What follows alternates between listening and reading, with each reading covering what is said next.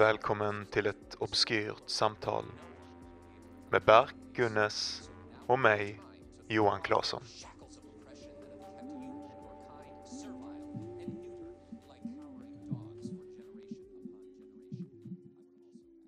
I dagens avsnitt ska vi prata om manlighet, maskulinitet. könsroller, maskulinitetsgrund, vår syn på maskulinitet, femininitet. Eller v- vår syn, jag vet fan, det här är ju ingenting konkret. Det här är fan skitostabila grejer. Så vi, vi bara, det här är fan, Mycket av det kom vi på på plats. det är lös spekulation om de här grejerna. Och vet du vad, det är okej. Det är okej. Det är okej. Ja. Enjoy. Trevlig lyssning.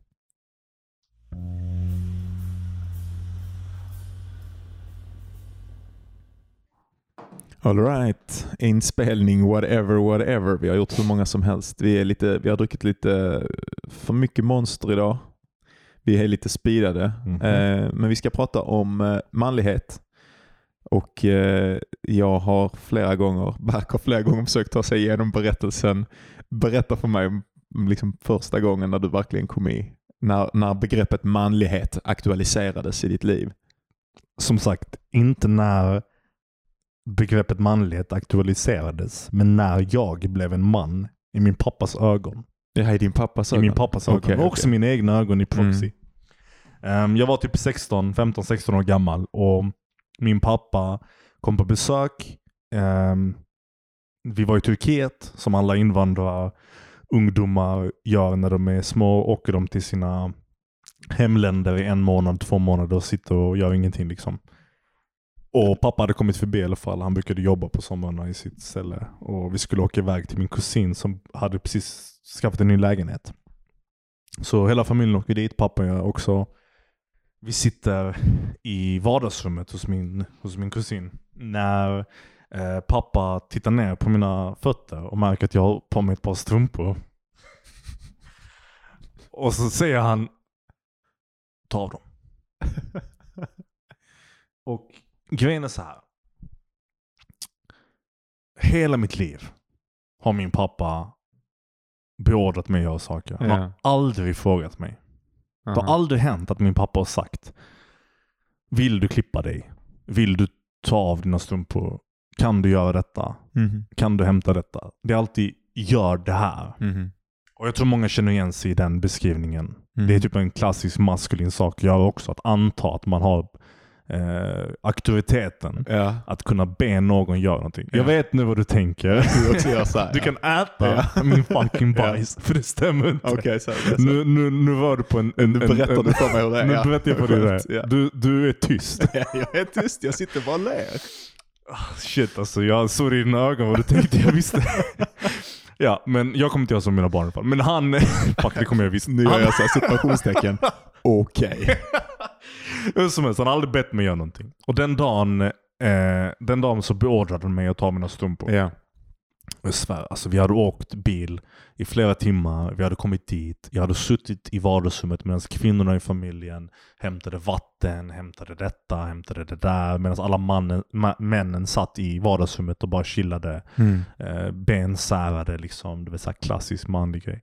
Och min, eh, min mosters man var där också. Och när mi- min mosters man, som har de tjockaste fingrarna i världen för Mm. övrigt, alltså de är som fucking gurkor. Alltså, det är, Det, är en, det är en riktig gratisväg in i manlighet. Det är det. Visst, visst, Ja. visst. Och så är, man också, är man också elektriker. Och Ja, det ja, funkar inte. Egentligen funkar det inte. Du Nej. kan inte ha feta fingrar och vara en elektriker.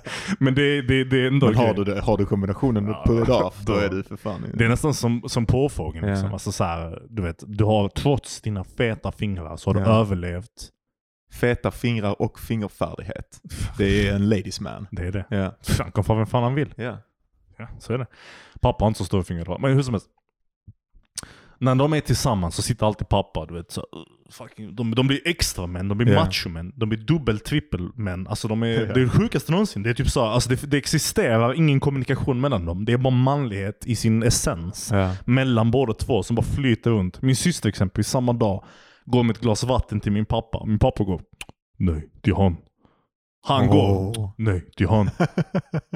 Pappa går, nej, till han. På riktigt, som ett skämt. Så mitt i allt detta så säger pappa till mig, ta av dina strumpor. Ta av dina strumpor. Vet du vad jag säger? Ja. Jag vet inte vad som flög in i mig, men jag fucking sa nej. Mitt framför Kul. alla andra där så bara tittade jag honom rakt in i ögonen så sa jag nej. alltså hans blick, det var helt otroligt. Han kunde inte tro. Han bara, "V- v- ta av dina strumpor. Jag sa nej. Ta av dina strumpor. Nej. Varför sa jag. Varför? Mm. Jag frågade min pappa varför. Han bara, det är varmt. Jag tycker inte det, sa jag. Ta av dina strumpor, sa han. Jag sa nej. Och vad hände då? Inget. Och det var så du visste? Johan.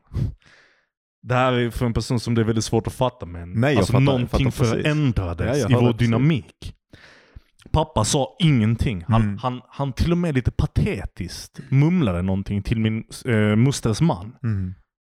Någonting om att jag inte lyssnade eller någonting sånt. Men man såg på båda två att de visste att jag hade vunnit strumptävlingen. Mm. Och vet du vad det sjukaste var? Fan vad det var vackert! När vi var ute och gick efteråt, vi skulle ut i lägenheten och gå. På väg dit så hade pappa gått längst fram. Längst fram som patriarken. Vem fucking gick längst fram där? Jag! Fattar du? Alltså det sjuka. Jag var längst fram. Jag kan se dig gå med sån kaftan typ så här, som bara fladdrar i vinden och du bara leder folket genom öknen. Det var precis så det var. Jag var Moses som hade befriat sina, sin, sitt folk. Ja. Alltså det var, det var, det var på riktigt, jag skojar men alltså det var verkligen en, en, en grund, grundpelare i min uppfostran. När det hände så fattade jag för första gången att pappa har inte den auktoriteten Mm. som hans mörka, eh, auktoritära röst eh, fick mig att tro hela livet. Liksom. Mm. Och jag tror att det är såklart inte första gången jag bemöter manlighet, men Mm. det definitivt är den gången där jag konfronterade den. Ja, det är nästan, det är nästan, det är nästan inte allt, alltså det är nästan där begreppet manlighet eller en aspekt utav det i alla fall bryter ner. Ja. Kanske en del av manlighet som man i Sverige och sådär nu inte är så jävla bekväm eller inte är så jävla intresserad av. Mm. Men, men som jag också tänker, jag, även fast inte jag växte upp med samma sorts mansroll som du har, så jag, jag tänker att det där hände för mig när jag började upptäcka att jag kunde veta mer än min pappa i vissa saker. Right. Att, jag, att när jag var ung så var alltid, och alla mina kompisar sa också det, du vet, man käkade runt middagsbordet och hade vänner över. Så, eh, Stäng av ljudet man. men jag har, eh, jag har fan satt på eh, så här, alltså flygplansläge, jag fattar inte hur den kan göra ljud ändå. Whatever. Ehm, men eh, alltid, eh, du vet när folk kom och käkade hemma hos min familj, eh, så kunde man fråga farsan grejer. Och de kunde också, du vet i diskussioner, ta upp grejer. Så visste han liksom, han var svinberedd på alla möjliga liksom historia, alltså bara massa trivia om en massa saker Mm. liksom. Och även typ svinstark förståelse för sina fält som är typ så ekonomi och företagsekonomi, världsekonomi, politiska skeenden, allt möjligt sånt. Så då verkade han som en sån jävla omöjlig, omöjligt stor pool utav vetande. Ja. Men sen, någon gång, jag kan inte exakt säga, för mig har jag inte ett så ett exakt tillfälle Mm. som eh, där jag började känna att den här grejen, eller att pappa blev mer mänsklig liksom. Att jag började mer Ja. få en känsla för att, jaha, alltså att vara man är att vara bara man. Ja. Att jag plötsligt kunde jag se den begränsade människan när jag började komma upp mot ställen där jag plötsligt visste mer än honom eller kunde tänka på sätt som han inte hade tillgängligt för sig själv i vissa, Ja. Ja. i vissa frågor. Och sådär. Så att, men men, det, det mer intressanta i den grejen än, än specifikt det historiska, det är ju hur den här idén om mannen som mest auktoritär och mest vetande, alltså nästan en gudomlig bild, var fan den bilden kommer ifrån. och Menar du man historiskt eller? Nej, ja, i ens liv bara. Ens liv. Alltså hur, hur, fan, hur fan, för att jag, jag tänker ändå, alltså mina föräldrar har ändå gjort, de har gjort saker ganska lika. Eh, De har liksom delat på, på, Ja. på bördorna och, och de har båda spenderat mycket tid med familjen och sådär. Ehm, och ändå, så du vet, så har ju, finns det ju en sån, har man en sån omöjlig eller man får en sån bild av farsan som nästan är en liten bild av Gud. Alltså det är därifrån lagen utgår, det är därifrån eh, det är det som drar gränser i familjen det, det, och det är också en, någon slags förväntad pool av ultimat kompetens. Alltså man förväntar sig att sin farsa kan mer än andra män också och bara kan, kan göra allt möjligt. Jag har inte riktigt den upplevelsen själv, men, men Du- nej, okej. inte, inte det här med kunskap nödvändigtvis. Även om jag vet att min pappa är smart och, och kunnig, men han har aldrig varit någon slags encyklopedi av kunskap eller Mm. historia eller någonting sånt. Alltså på det sättet. Eller inte på något sätt egentligen.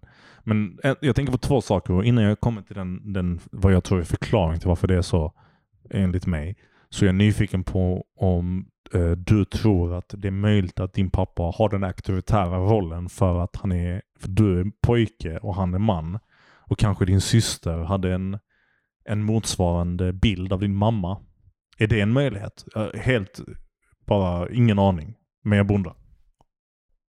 Nej, det tror jag inte. Men jag, alltså jag tror att det finns familjer där, där, där mamman är så. Ja. Alltså där mamman har en väldigt matriarkig ställning liksom. Mm, Eller mm. väldigt så. Men, eh, men eh, Inte i er familj. Där var det pappa ändå som var centralfiguren. jag vet men alltså på något sätt, jag kan ju inte säga, jag vet ju inte vad hennes förhållande till manlighet är. Som hon har ju säkert inte den här bilden av den Nej. här allvetande. Utan det tänker jag är, ett förhållande som, som, som från början kommer mellan relationen av, av pojken och sin far och sen viljan att själv bli den bilden det, det, det, som man ja. förväntas, eller som man trodde att pappan var när man Ja, var ja, liten. exakt. att det är det som är att försöka bli man. Det är att För- försöka bli den här omöjliga bilden av kompetens och vetande och handlingsförmåga och starka värderingar Ja, och precis. allting sånt som man tillskrev sin far när Men man var liten. Jag tror att ehm, av de två sakerna jag skulle nämna så är detta den ena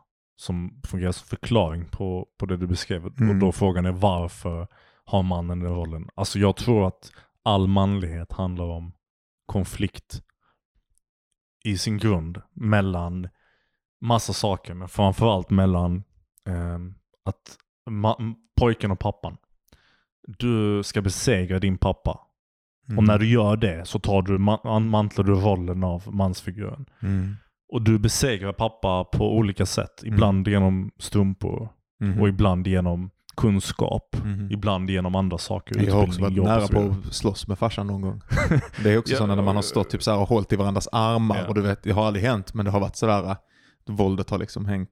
Nej, alltså när jag var en viss år, typ precis innan jag blev 20 kanske, 19 sådär, att jag kommer ihåg att det var så jävla spänt.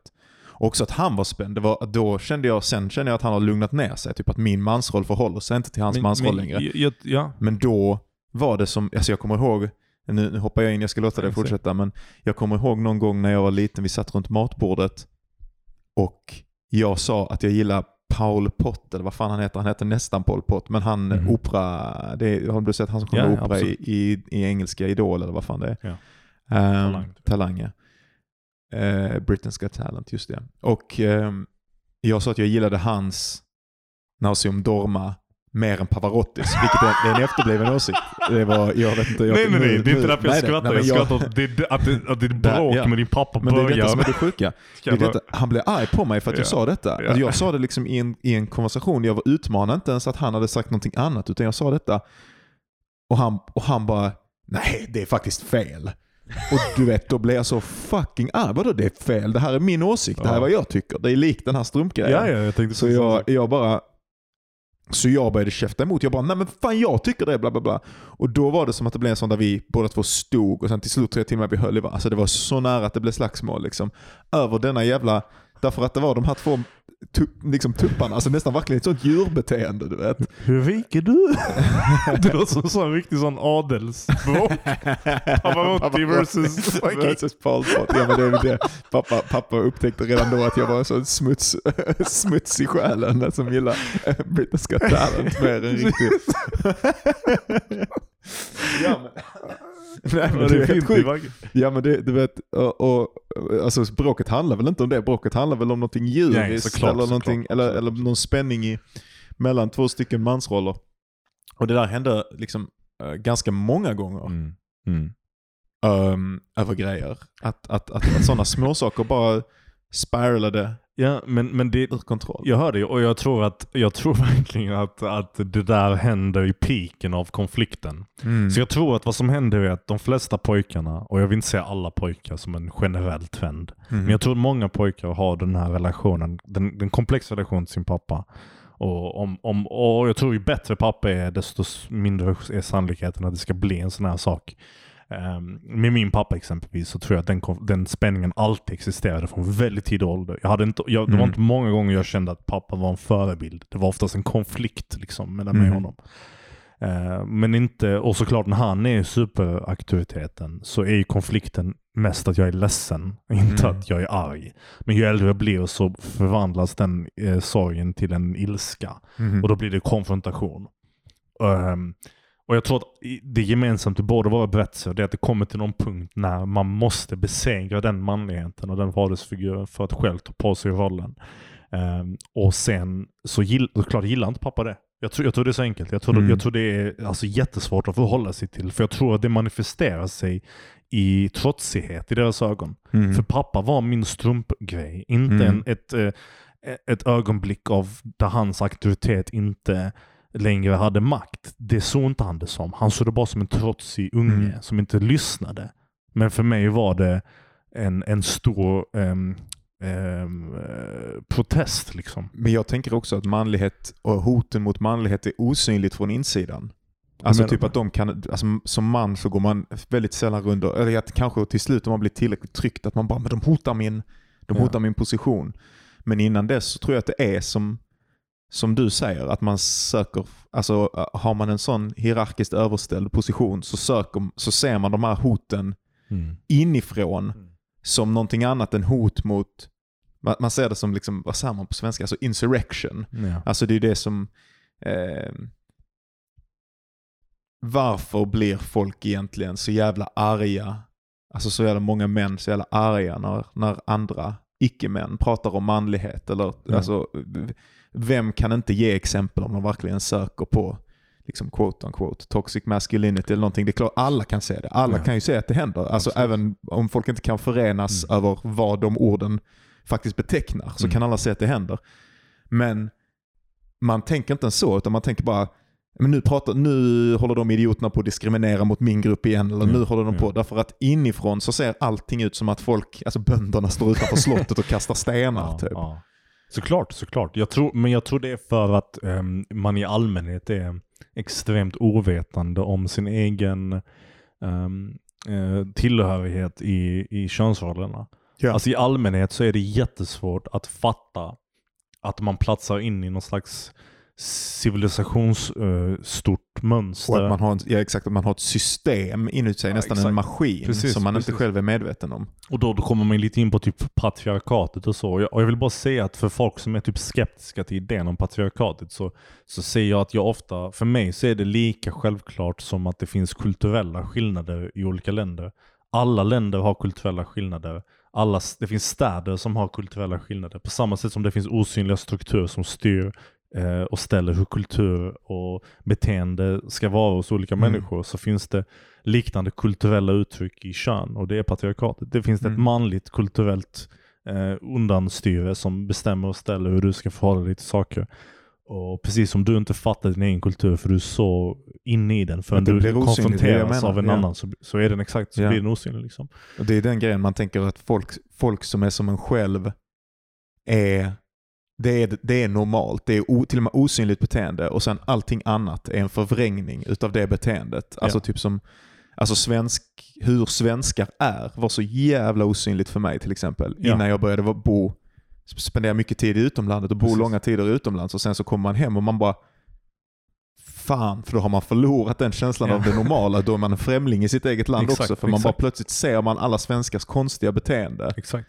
och bara, ja, och hamnar utanför även den ingruppen. Och så kan ju hända, det här har hänt mig skitmånga gånger. Till exempel så kan detta hända med manlighet om man läser mycket typ kvinnliga poeter och författare och sånt. Det är typ en inväg som, som har varit för mig. Liksom, att, att, där man kan få syn på sådana beteenden som man, som man manifesterar själv och som, sina, och, och som ens polare manifesterar. Mm. Så man, inte, man kan inte fatta hur vi som tänker att vi är liksom rationella och, Ja. och, och, och, och liksom människomänniskor som älskar andra människor kan göra så jävla bulla grejer. Precis. Men att det definitivt manifesterar sig. Och, och, och bara för att vara tydlig också med det, det är att bara för att, alltså för att, för att förstå sig på svenskhet så åker du exempelvis utomlands och så Mm. träffar du människor som inte har någon svenska i, i, i sig alls. Det här du ska säga nu helt rätt. Ja. och, och så får du en, en bild av det. Jag tror inte, jag, vi får se om du, du vet vad jag säger. Okej. Ehm, det betyder inte att du, du mots, mo- st- ställer dig emot svenskhet. Det betyder inte att du, ah, du, du, du, du på något sätt förtry, alltså förtrycker bort det från Nej, jag ska vara svintydlig nu också. Jag, jag identifierar mig, och det tror jag du också gör, och det kommer vi nog komma in på mer, Ja. svinmycket som man. Alltså det är Ja, omöjligt ja, för mig ja, att tänka exakt, mig på. Och exakt, manlighet är exakt. jätteviktigt för mig. Ja.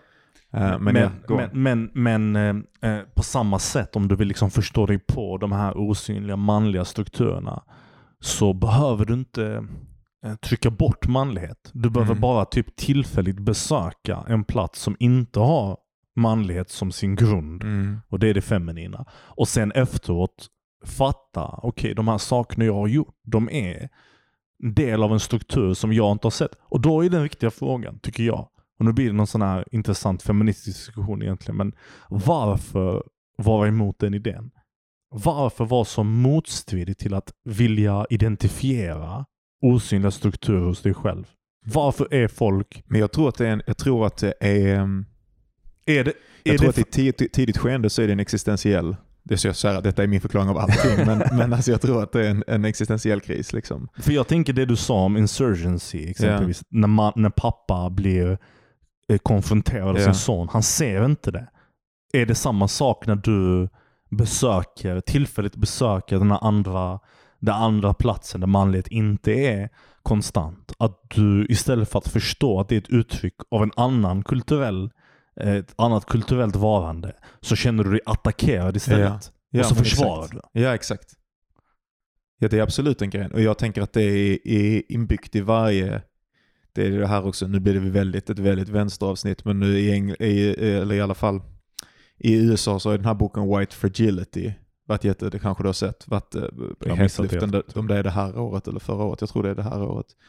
Ehm, och som jag har inte läst den, men som jag har förstått den så handlar det liksom om typ den här grejen. Att, att när folk kritiserar vithet så kritiserar de, de det är ju inte vithet när man pratar om det sättet, det är ju inte, man pratar ju egentligen inte om en hudfärg. Nej. Eller om en, inte ens om en grupp som har en hudfärg. Jag pratar om en maktstruktur. Ja, och en sak som, som kan inkorporera olika människor. Alltså typ så här, också av, av olika, olika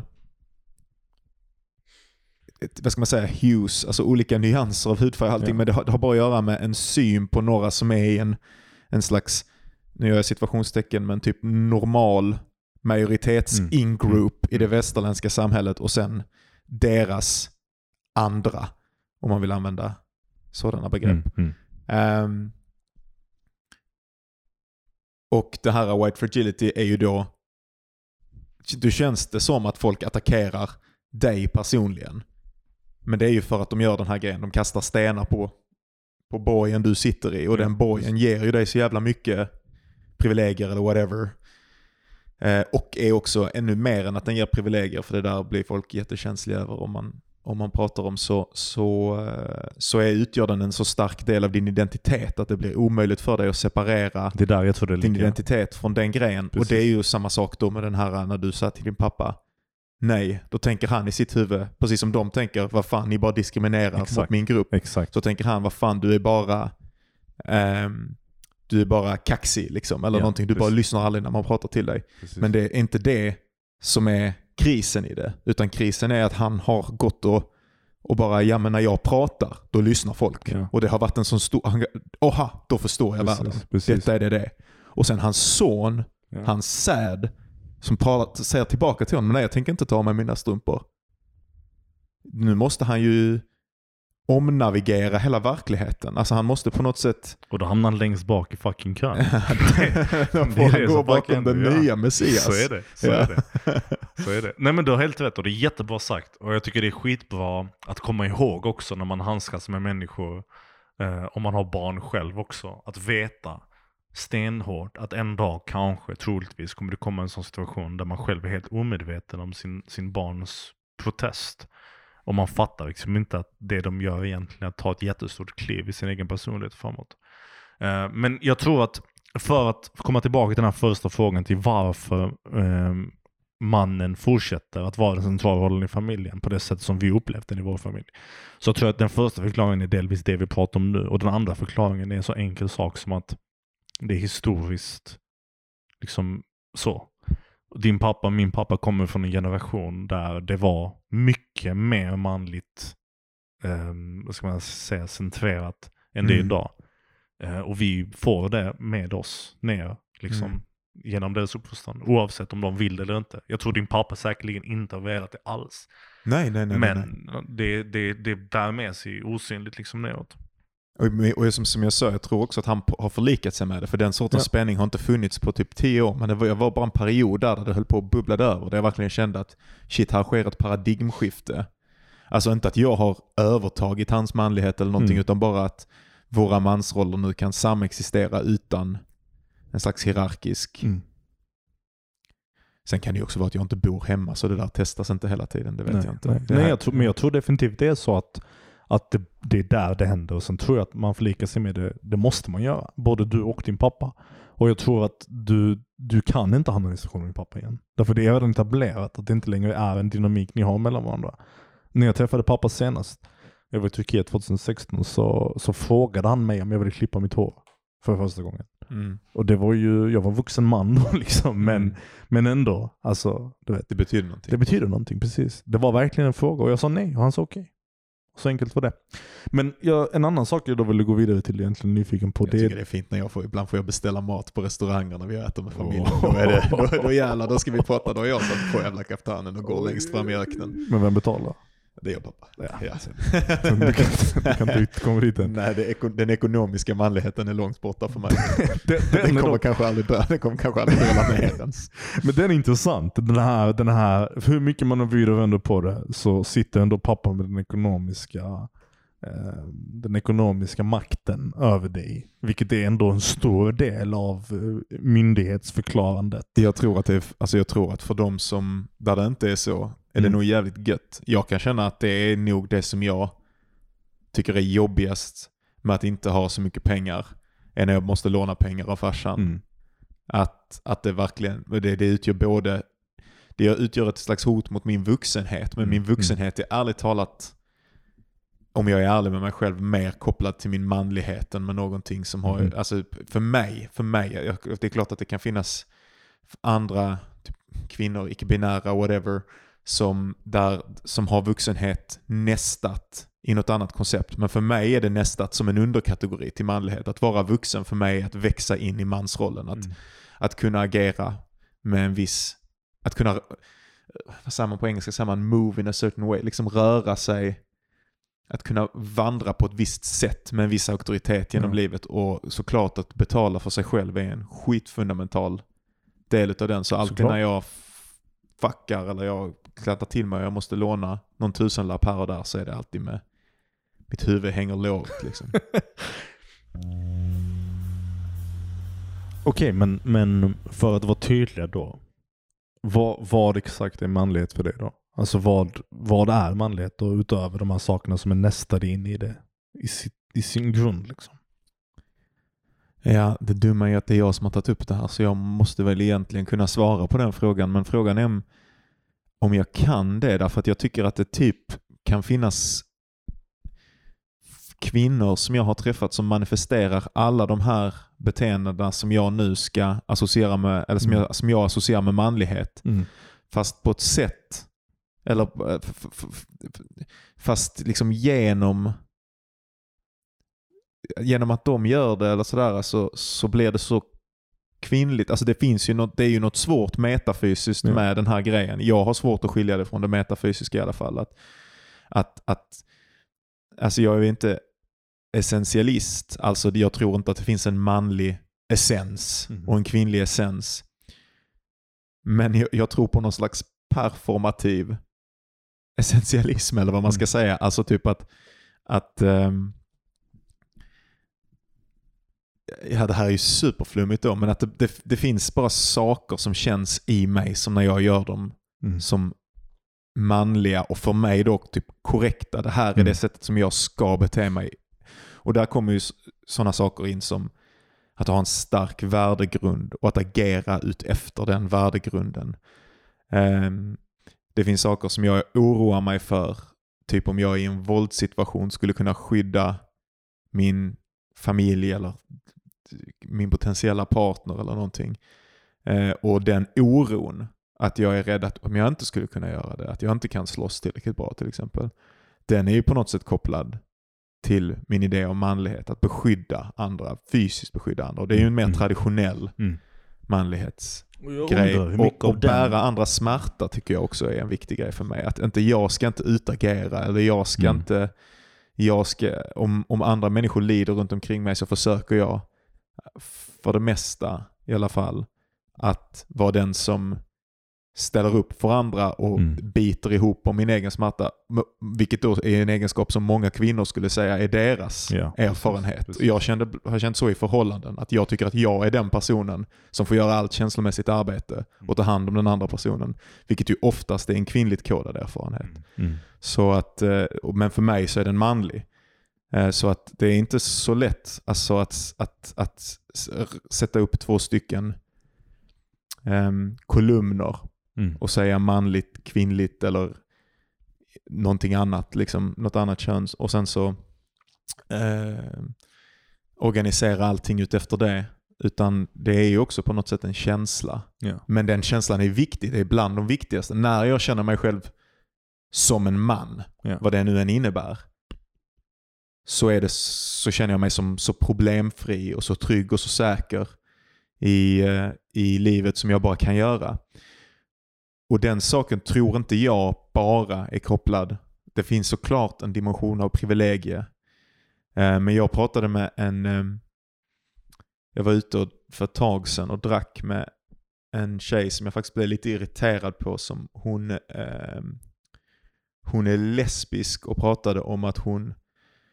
Vi pratade om könsroller och hon pratade om att hon var lesbisk typ av politiska skäl eller whatever. Mm. Och, att, att, och pratade om det som ett steg mot, mot eh, könslöshet. Och så kom vi in på att prata om, hon hade då en, en, en utopisk idé om ett könslöst, att vi skulle bli helt könslösa på sikt.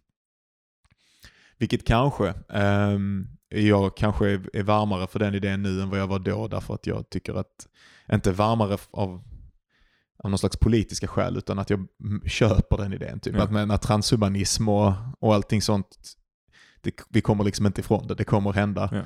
Ehm, då eh, då eh, tror jag att kön kommer lösas upp väldigt mycket eller Mm. nästan bli det, det är omöjligt att relatera till till sist. Eh, men, men, men, men hon tänkte på, eh, hon, hon höll upp den här könslösheten och sen så pratade vi lite om, om könsroller och sen så sa jag detta också då att jag mår absolut bäst när jag är man och då sa hon att det, ja men direkt så här bara att ja men det är för att det är skönt att vara privilegierad. Det är klart det är skönt att vara privilegierad. Ja. Men den privilegiumgrejen tror jag, nu kanske jag gör, gör samma sak då som, som jag beskyller min pappa för att jag inte kan se borgen, eller din pappa för, eller whatever, att jag inte kan se borgen utan att jag bara ser dem som slänger sten utifrån.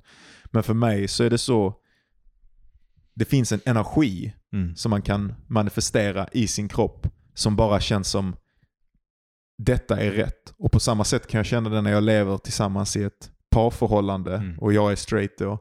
ehm, att den andra personen manifesterar en kvinnlighet. Och det har liksom inte att göra med att göra med, med någonting med vem som gör vilka sysslor, tror jag. Och jag tror inte att det har någonting att göra med att jag bestämmer eller att jag är dominant och, och den andra personen är submissive liksom eller vad det nu än är. Jag, tro, jag tror inte att det har att göra med de grejerna. Kanske att det finns en sån, ja men nej, fast jag tror inte det för jag tänker att jag, alltså det är klart att det finns, det är säkert en massa ställen där jag manifesterar olika oönskvärda manliga, manligt kodade traits.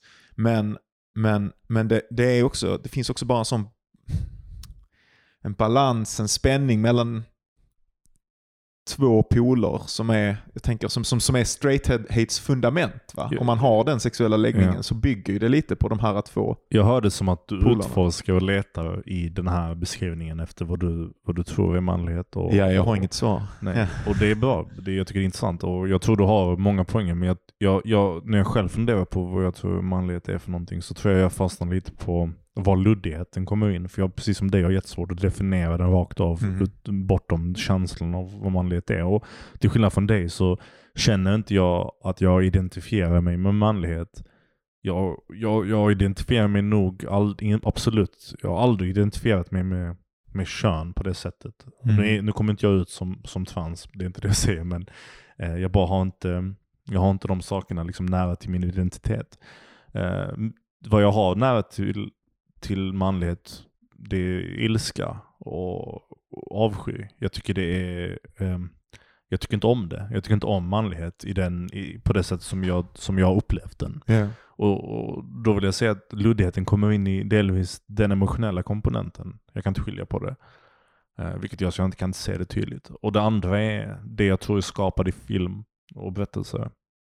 Där de här typiska manliga dragen som beskyddar en och, och den som eh, bestämmer och håller saker och eh, framförallt den här idealisten som liksom eh, har starka eh, vackra värderingar som de håller sig som de håller nära till sig liksom och, och, och kämpar för ehm, att det är eh, skapelser.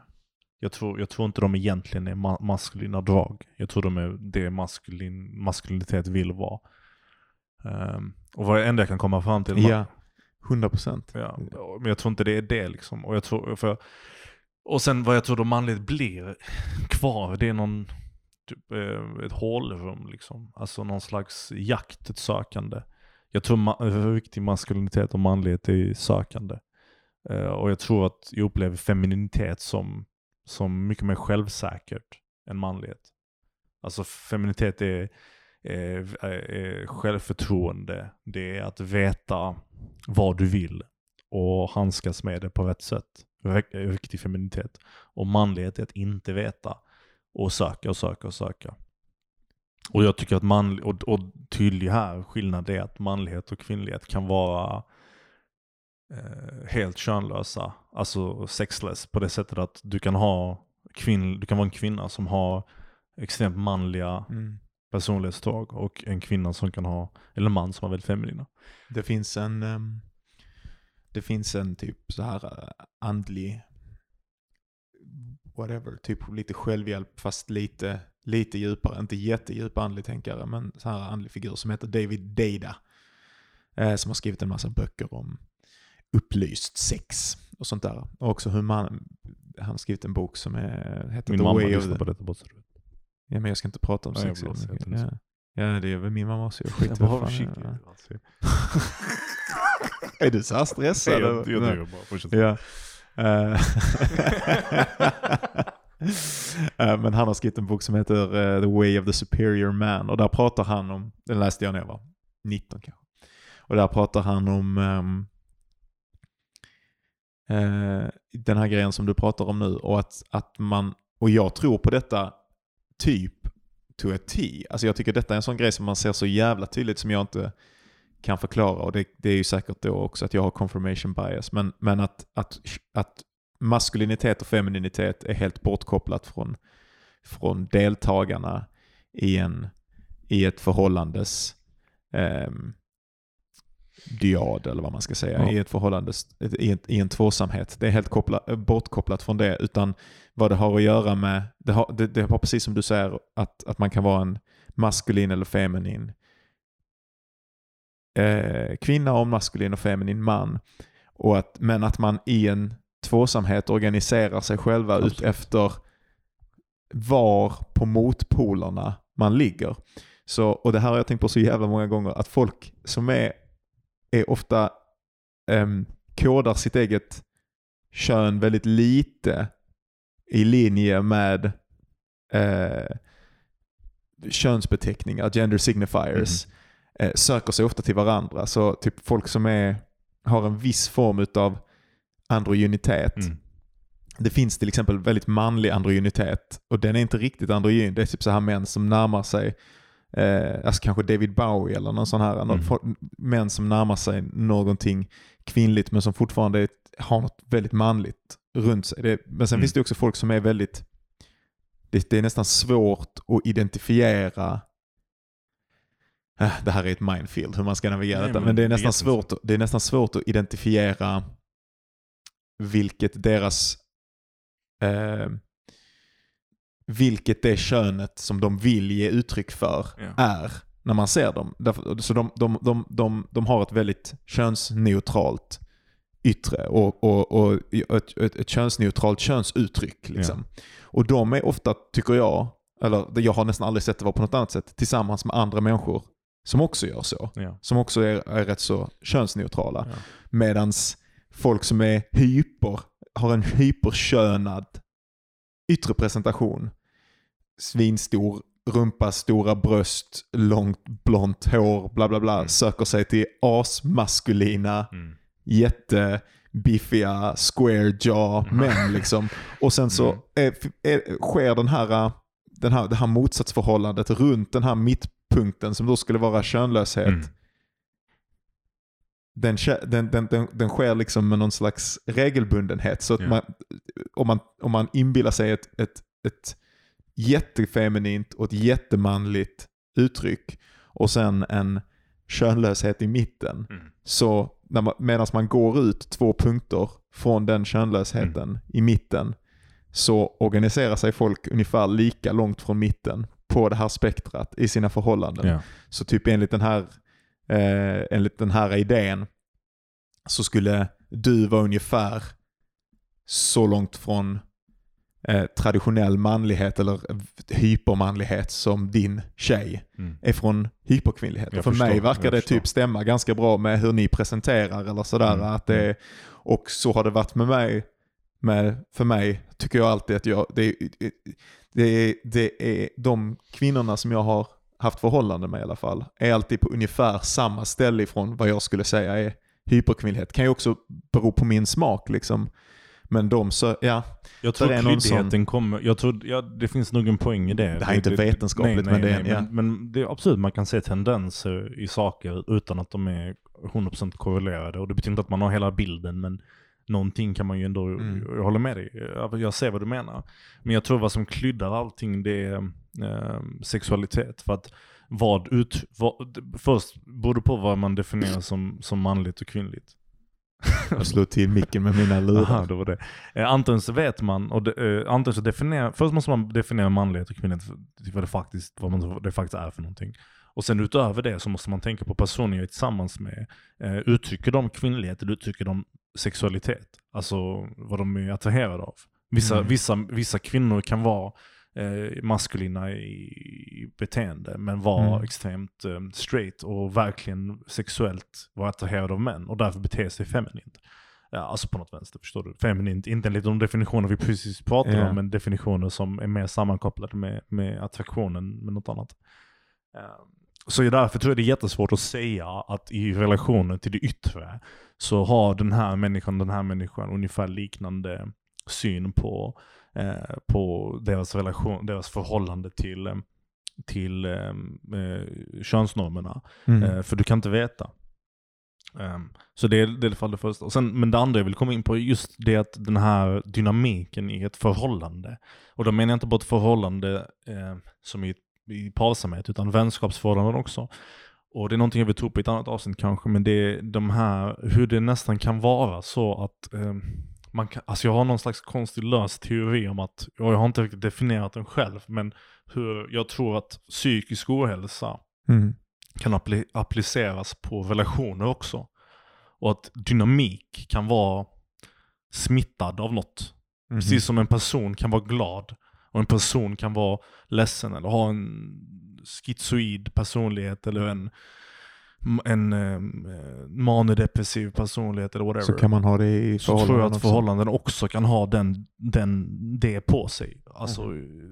Och jag, jag tror att det, om det är sant, om man utforskar den idén lite, så tror jag man lätt kan hitta hur könsnormer i relationer kan vara lika ehm, app- lika mycket applicerbara på människor som de kan vara på förhållanden. Och plötsligt då så är det som att eh, du kan föreställa dig att eh, jag är ihop med min flickvän och i vårt förhållande oavsett om jag är den manliga och hon är den kvinnliga så av någon anledning i vårt förhållande så kan antagligen förhållandet ge uttryck för den manligheten som vi individuellt har eller kvinnligheten vi individuellt har. Mm. Eller så kan det skapas en slags specifik manlighet och kvinnlighetsdynamik i förhållandet som bara gäller oss och bara det förhållandet. Det är Mm. därför om du tänker på tidigare flickvän du har haft, eller partners du har haft tidigare, så hur du beter dig och hur du förhåller dig, förhåller dig till dem är inte alltid samma.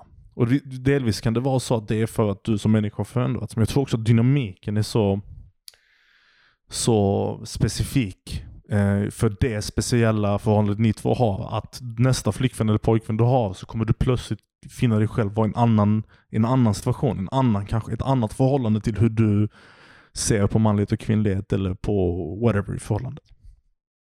Men ja. säkert. Ja. Det är i alla fall någonting vi kan prata om. Men eh, jag Jo, tycker man vi- testar ju också sin... Det är också... mm, det, jag tror folk kan få panik och jag tror folk kan göra jävligt dumma grejer därför att de är vana vid att vara man på ett visst sätt. Ja. Om vi nu fokuserar på mansrollen eftersom vi är män. Liksom. Att man kan fokusera på att vara man på ett visst sätt och sen så kommer man in i en grupp där man inte kan vara man på det sättet och så börjar man utagera på en massa sätt i, ett slags hopp, i ett slags hopplöst försök att Ja, återvinna den manligheten det ett som man har i en annan grupp. på Ja. dynamik som sen Precis. påverkar manlighet. Absolut. Precis. Och äh, precis att man, att, att egentligen, det, alltså det, det, den upplysta grejen att göra eller whatever, är att vara jävligt svajig, vara jävligt manlig när det en situation är, är liksom, det där det finns rum för att vara manlig, Mm. där det är det situationen kräver och sen kunna vara jävligt feminin eller liksom whatever, eh, om, en, om en annan situation kräver det eller och även andra, vi kan tänka oss andra punkter, alltså det är ju dumt att fastna i ett manligt kvinnligt spektra utan Mm. det kan finnas en massa varianter på detta. Men samtidigt så fort du börjar variera din manlighet och kvinnlighet på det sätt du beskriver det, då slutar de definitionerna att vara relevanta. Och då hamnar du plötsligt i det här utopiska, transhumanistiska eh, samhället som din kompis pratade om. Ja, kanske. Där könlöshet inte existerar. För att Eller du... könlöshet är, det, eh, könlöshet är det enda. Ja, e- exakt. För att, förlåt, där könlöshet är det enda. För att du är så, du, du använder det som ett verktyg nästan. Där situationen kräver en viss sak. Du är inte längre ett fundament i din personlighet. Ja, men för mig, jag tänker att för mig så är det mest, för mig så är det jag menar med manlighet, för jag, jag, det, jag fattar vad du menar, du använder manlighet när du, när du associerar det med de här eh, negativa attributen, så använder du ju det på ett sätt som, som man använder det eh, i en politisk och social diskurs eh, nu liksom. Ja, delvis. Och såklart också utifrån dina egna. Jag menar inte att du har dratt det därifrån, men att Nej, bara, nej, bara att du, det, det råkar vara så att de korreleras. Ja. Medan jag tänker att jag tänker på manlighet som såklart att det, det kan vara de grejerna att jag förstår vad folk säger när de använder manlighet. I, i, till exempel för att prata om, om negativa aspekter av manlighet. Men när jag tänker på manlighet i mig själv Mm. så tänker jag på det mer som en känsla. Okej, men... Ett sätt att vara i världen. förstår. Och, typ, och, och egentligen inte, så, så, så, så kommer jag säga emot mig nu, då, då kan jag heller aldrig, för jag tänker inte att det är då att manlighet existerar som en motsats inom mig med kvinnlighet. Utan det är mellan manlighet, mellan manlighet och manlighetsnegation. Alltså mellan någonting Som inte är en, manligt. en, ja, en misslyckad, ett misslyckande att vara man eller ett lyckande att vara man. Ja. Och där kvinna inte är med på, på det spektrat. Liksom. Eller så är det en annan del av det. det, det, det kan vara en annan del. Ja, precis. Men, men in- innan vi tar en paus så vill jag bara säga att jag vill bara vara tydlig. Jag tror det blev ett litet missförstånd. Min def- definition av manlighet är inte negativ. Den är, ja, det jag sa tidigare var att jag tror det är svårt att definiera manlighet för att den är så nära asso- asso- associerad till negativitet. Men om Mm. man tar bort den negativa associationen, om man tar bort den associationen som har med som är skapad av, av film och berättande. För som, jag, Mm. som du vet, jag tror är en enorm del av vår uppfattning om verkligheten. Vilket vi också kan gå in på senare. Eller i ett annat avsnitt. Så det som är kvar för mig av manlighet, det är ett, ett helt neutralt, en neutral observation av manlighet och det är sökandet. Mhm. Det är det jag menar är den, def, den de, definitionen av manlighet. Det är därför jag ser det, det kanske eh, tenderar, alltså min, min, min, min luddiga bild av manlighet passar in i den maskulin, eller den här eh, toxic masculinity, feministiska idén om manlighet. Men tar jag bort all den luddigheten, så det som är kvar för mig, det, det är inte så att, att um, sökandet är negativt. Det finns, och som jag sa tidigare, till, kvinnor kan också ha maskulina drag och därför också ha sökandet i sig. Men sökandet är bara sökandet. Liksom. Det är inget annat.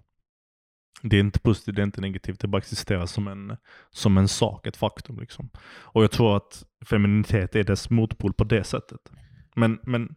Det, är en intressant, eh, det, är, det är en intressant bild för den, den skiljer ju sig från ganska normativa föreställningar där, där manlighet ofta positioneras som trygghet och hemmet och en slags hårdhet och, och sådana grejer.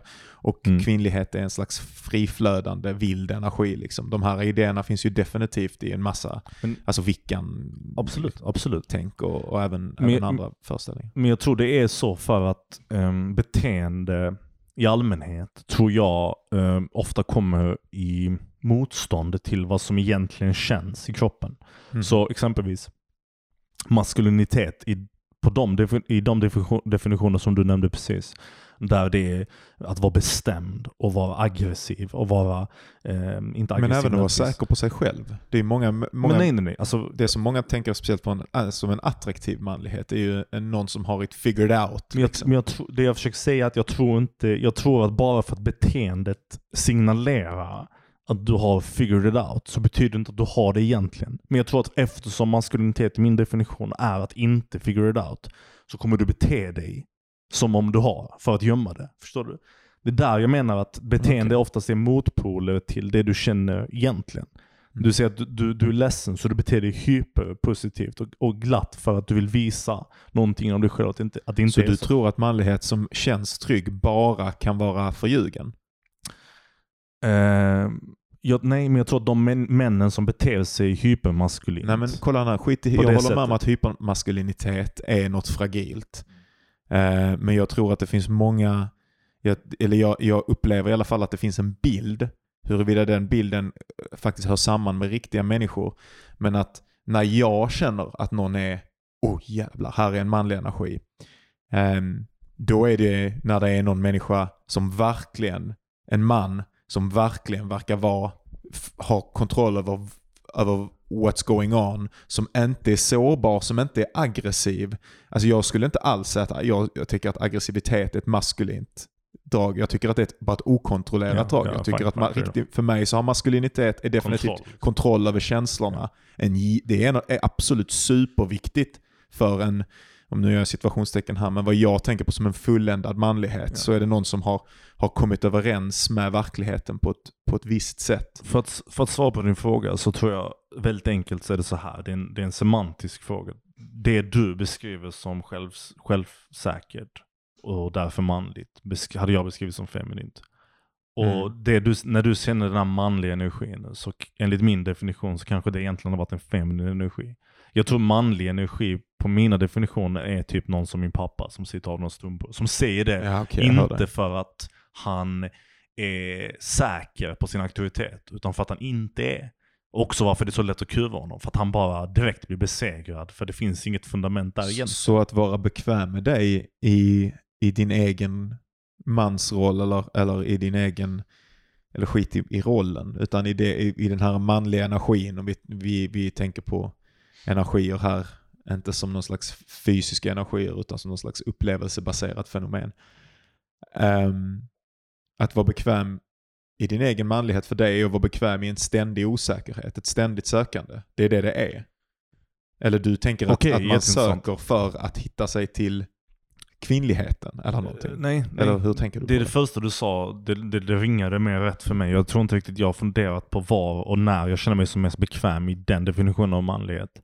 För att jag nog har i all den luddigheten inte känt mig bekväm i de definitioner av manlighet som du nämnde tidigare. Men om jag skulle verkligen fundera på det och vara ärlig med mig själv i vad och när jag känner mig som manligast, i de, mina definitioner, så tror jag att eh, sökandet själva akten av sökandet. Inte för att fylla tomrummet utan bara för att det är en naturlig konsekvens av ett tomrum, att man söker och söker. Att den, att den saken själva sökandet, inte att hitta svar innan jag känner mig som mest bekväm. Mm. Och exempelvis så är skrivandet en sån sak. För att skrivandet är en, ett sökande efter någonting. Och det är inte, det blir aldrig, det, det, på något absurt sätt så kanske man kan till och med gå så långt som att säga att varför jag aldrig riktigt blir färdig. Därför att det, det, det, det som egentligen är själva magin i skrivandet, det är inte att bli färdig med berättelsen och hitta svaret. Det är att skriva, skriva, skriva, skriva tills Ja, man vet fan. Tills man, så att man alltid upprätthåller det här tomrummet och, och, och fyller det tillfälligt. Så att säga. Och, men jag förstår att orden jag använder fuckar upp allting för att det blir så luddigt när man pratar om min definition av manlighet och din definition av manlighet och sen om tomrum som är associerat med någonting negativt. Alla de här sakerna är väldigt otydliga på grund av det tror jag. Men, ja. Jag tror inte det är för att jag vill komma bort från manlighet som jag är manlig.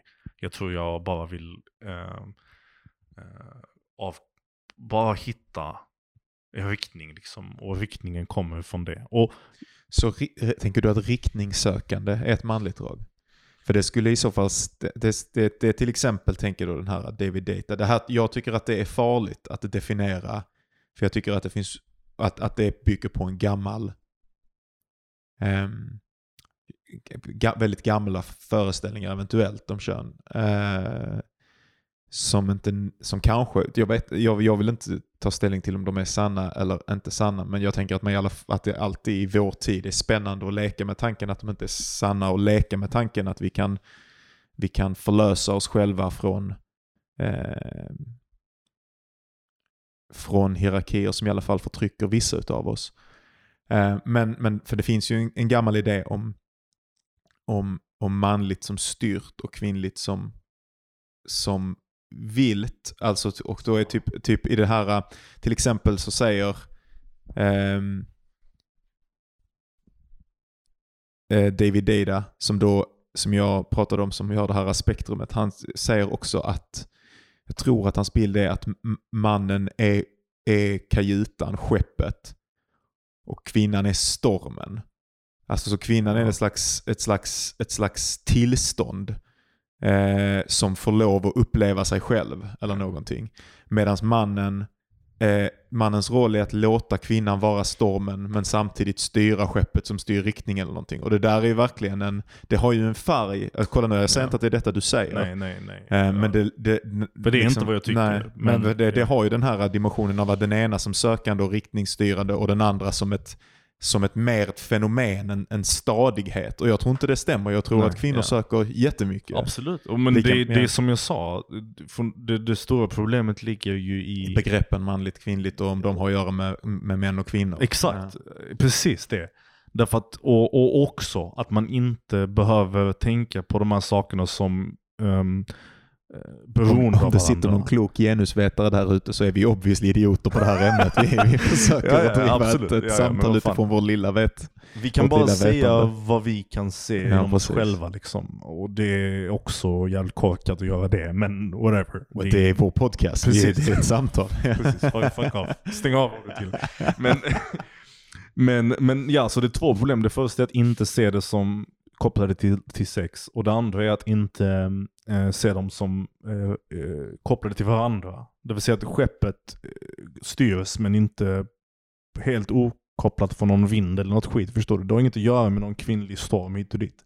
Manna, mannen, han söker och den sök, det sökandet kan vara, eller förlåt, det maskulina söker och det, och, det, och det sökandet kan vara riktningssökande, det kan vara identitetssökande, det kan vara massor olika sökanden. Men det spelar ingen roll för poängen är att söka sig, att leta, leta, leta. Och kvinnlighet, det är att vara mer, eller vet du vad, jag vet inte vad, vad det kvinnliga energin, eller den, den, det, det kvinnliga, det feminina skulle vara för någonting. Jag, Mm. det, har, det har inte jag hunnit fundera på, jag tror inte jag kan eller fundera på det riktigt eh, än. Det känns mycket djupare och mycket mer rotat i det, men det känns mer eh, mer säkert för mig. Och någon, någon konstig del av mig, alltså det här är, bara för att förra avsnittet så pratade vi om evolutionspsykologi och vi klippte bort allt det där liksom och spolade förbi det och så.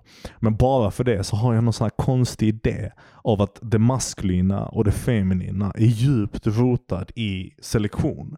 Och det finns att det, här fundamentala eh, behovet i organismen, i den kvinnliga organismen, att, ehm, att ehm, Nu blir det jätterörigt för nu börjar du med den kvinnliga organismen som då inte är kopplad till den kvinnliga energin. Okej, Nu, nu hoppar Ja, du ju ja. mellan, alltså det är, Jag jag, jag började med att definiera det här, den här diskussionen som metafysisk och sen nu Ja. kopplar du samman den till biologi och då kollapsar liksom de Var- här okej. kategorierna in i varandra. Varför, jag, jag, jag, tänker inte gå in på den här dumma teorin, men jag vill bara förtydliga varför jag kallar den kvinnliga den manliga organismen. Därför jag vill säga att den feminina och den manliga eh, energin, maskulinitet och femininitet, jag tror den härstammar från kön. Men jag tror att den är i eh, realitet, när den, när den är eh, realized så att Mhm. säga, så är den frånkopplad. Men jag tror den härstammar från, kanske från eh, sex från början. Alltså precis som allting har en grund liksom i väldigt fundamentala aspekter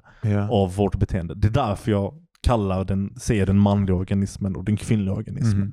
Därför att jag tror att någonstans i allt muller så börjar det med kön. så har de här klusterna utav egenskaper som vi kallar för energier, de har framkommit och sen så, och sen så har de tenderat att hamna hos, hos eh, ja, eh, male eller female organismer och sen Ja. därför har vi socialt konstruerat att de här egenskaperna är essentiella Precis. inom den här typen Precis. utav organismer. Det är därför sedan vi kallar det maskulint och vi Precis. kallar det feminint. För att det har någon eh, archaic, gammal liksom, koppling till Men, kön. och det här är skitviktigt, jag tror att du håller med dig, med, mig om detta, även fast jag tänker att jag eh, liksom outwardly presenterar mig själv som ganska mycket liksom enligt traditionella västerländska eh, könsideal. Eh, så, och jag tror att det finns en biologisk grund för att vi kallar de här eh, idé, eller de här eh, tendenserna manliga och kvinnliga etc. som jag håller med dig om, så betyder inte det att, att, att, att vi på något sätt ska tvinga in folk i att bete sig efter de mönstren om de mönstren inte manifesterar Nej, sig precis. naturligt för dem. Det är såklart att alla människor får lov att, och det finns även en, jag, jag följer en del ehm, trans och typ icke-binära och sådana eh, creators på, på YouTube. Och där finns typ, jag tycker ibland att det finns en tendens till ett slags kreativt förhållande till verkligheten. Eh, som är alltså en slags kreativitet i könets förhållande till samhället som är vild och spännande och verkligen utmanar Mm. konservativa, rigida idéer. Ehm, det är bara det att det faller sig helt onaturligt för mig Ja. att ha den sortens kreativitet i förhållande till mitt eget kön därför att jag upplever det som så jävla statiskt. Men för de som inte gör det, eh, det finns ju ingen anledning för oss som upplever det statiskt att, eh, att på något sätt försöka tvinga in de som inte upplever det så. Det är ju en helt sjuk, Nej, nej, och det vet jag att du inte tycker. Nej, nej, utan- nej, men det är bra att du förtydligar det. Och, och, och för, ehm, det, det, det, det, bottnar på något sätt i nå- någonting som kallas the naturalistic fallacy, som är den här idén Ja, av att precis. det naturliga är på något sätt rätt.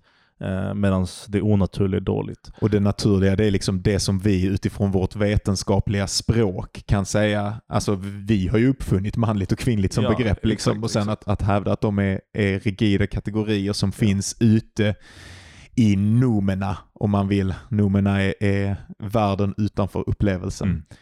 Mm. Eh, det är ju, det är ju det, det finns ju ingen logisk följsamhet i Nej, det. nej såklart. Um, och Ska vi ta en liten paus? Innan vi gör det så Ja. vill jag bara säga att den korkade idén jag hade om var den här, det här sökande tomrummet kommer ifrån tror jag bottnar sig i den här, ehm, i den här väldigt grundläggande och vad ska man säga, väl, man ser detta väldigt ofta i, i, i organismer och djur och sådana saker. Där kvinnan, eh, eller det kvinnliga könet, eh, har bestämmande makt i vem som ska få sprida sina gener liksom. Mm. Gener eller whatever. Mhm. Eh, kvinnan i naturen är auktoriteten. Och mannen är den som måste jaga. Mhm. Alltså det är ett fundament i nästan all, nästan all biologi. Och det var ett fundament i vår biologi också. Mhm. Eftersom kvinnan har en bestämd mängd energi som hon kan använda. Och det är till ett barn. Och mannen Mhm. har mycket mer att sprida ut. Så därför måste kvinnan vara väldigt bestämd med vem Mhm. och vad hon väljer. Det måste vara ett bra beslut. Så Och jag här det, finns det jättemycket om, om varför, köns, eller varför, varför sexual selection är som den är bland människor. Ja. Eh, Varför kvinnor tenderar att ha högre krav på sexuella partners och sådär. Men, men, men jag tror att den, den idén är så djupt rotad i vår psykologi också.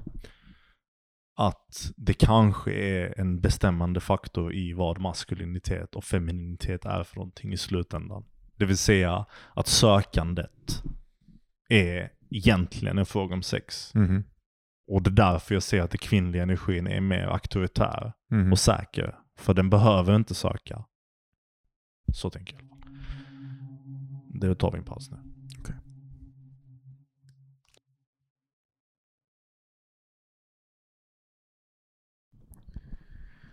Så. Så, tillbaka från eh, pausen. Vi har eh, tydligen redan spelat in rätt länge. Tappa koll på tiden lite grann. Men jag hade en fråga till som jag ville stänga, Mm. ställa innan vi, eh, innan vi stänger ner detta, denna fabriken idag.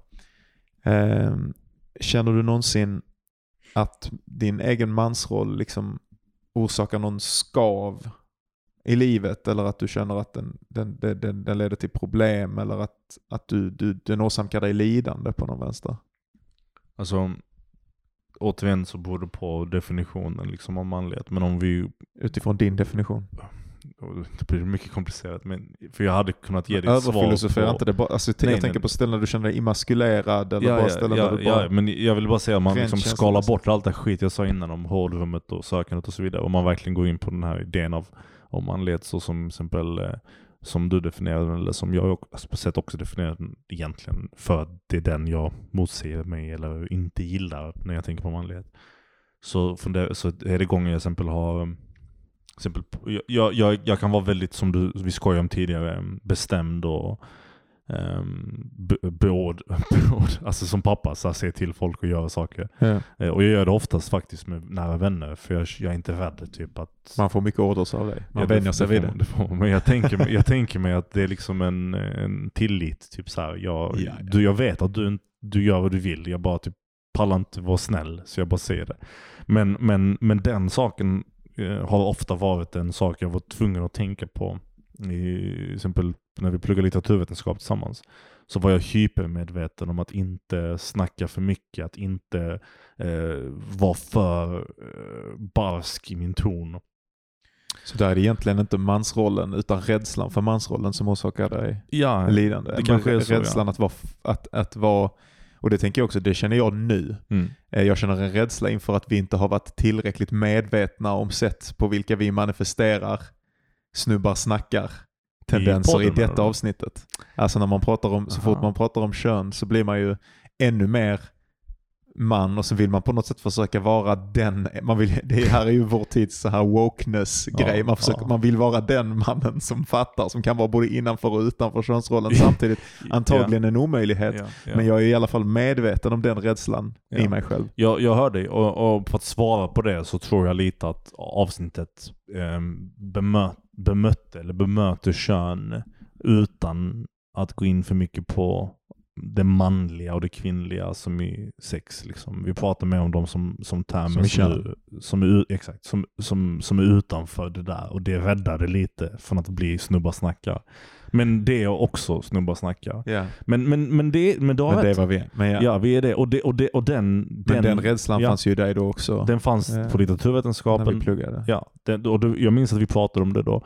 Och den fanns ehm, i Teaterhögskolan, framför, mycket där också. För att speciellt på Teaterhögskolan så, så var det mycket eh, könsdiskussioner och ehm, eh, idén om, om det icke-binära var jätteaktuellt. Ehm, så jag var i konstant liksom ehm, jag var konstant medveten om att eh, försöka hålla min egen manlighet i schack. Men sen började jag hamna i en slags tillstånd där jag typ så här, på något sätt var mer bekväm i den. För att när alla pratar om kön så mycket så blir det som att min könsroll är då också okej. Förstår du?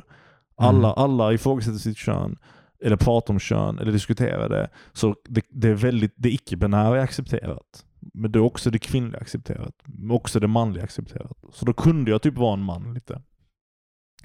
Ja, det är ju Eh, detta, detta låter ju som idealet, det är ju detta man hoppas på. Det är detta jag hoppas på, att det ska vara Alltså, alltså att, att man ska att man ska lösa upp vad de här kategorierna är så att folk får lov att vara kreativa med, med sitt kön så att folk sen också kan få lov att känna sig som hypermanliga och Ja, bara exakt. älska det utan Visst, att det utgör visst. ett förtryck för Visst. alla andra. Liksom. Men det innebär också dock att man måste fatta att eh, det som klassiskt definieras som manligt, om det nu är det som är manligt, mm, att vara den här bröle 1 och bröle 2 som vi kallades på litteraturvetenskapen och den här jävla tjejen. Det, det är ju inte positiva saker. Även om i den situationen så hade hon fel, men att vara, att, att, att vara om man är säker i sin manlighet, som jag har träffat många snubbar som är lite så här superhypermanliga, då är de också douchebags. Alltså de är elaka och, skiter i vad du säger och lyssnar inte på dig. Och de, de dragen är ju obviously inte del av den här utopiska världsbilden. Nej. Nej, du har verkligen en annan syn på... Jag, jag skulle aldrig se sådana här drag som manliga. Jag ser dem här som Nej. misslyckad manlighet. Ja, ab, Men jag- absolut. ja. Absolut. Alltså självklart håller jag med Okej. dig. Det är, det, det är definitivt såklart inte riktig manlighet, men det är så luddigt att prata om det Ja, utan såklart. att blanda in den manlighet som är den man är rädd för och den man inte vill ha. Pappas manlighet. Ja. Du vet de här snubbarnas manlighet i förorten. Eh, som inte är manlighet men som är, Ja, som du jag- säger, jag försök till manlighet. Okej, Förstår du? Att ja. De sakerna, när man, det, det är bara det, att verkligen vara tydlig med att de sakerna är, som jag sa, inte en del av den utopiska världsbilden. För de är inte manliga. Right. Ja, okej. Men, men jag, ja. fattar, jag fattar vad du menar, jag hör dig.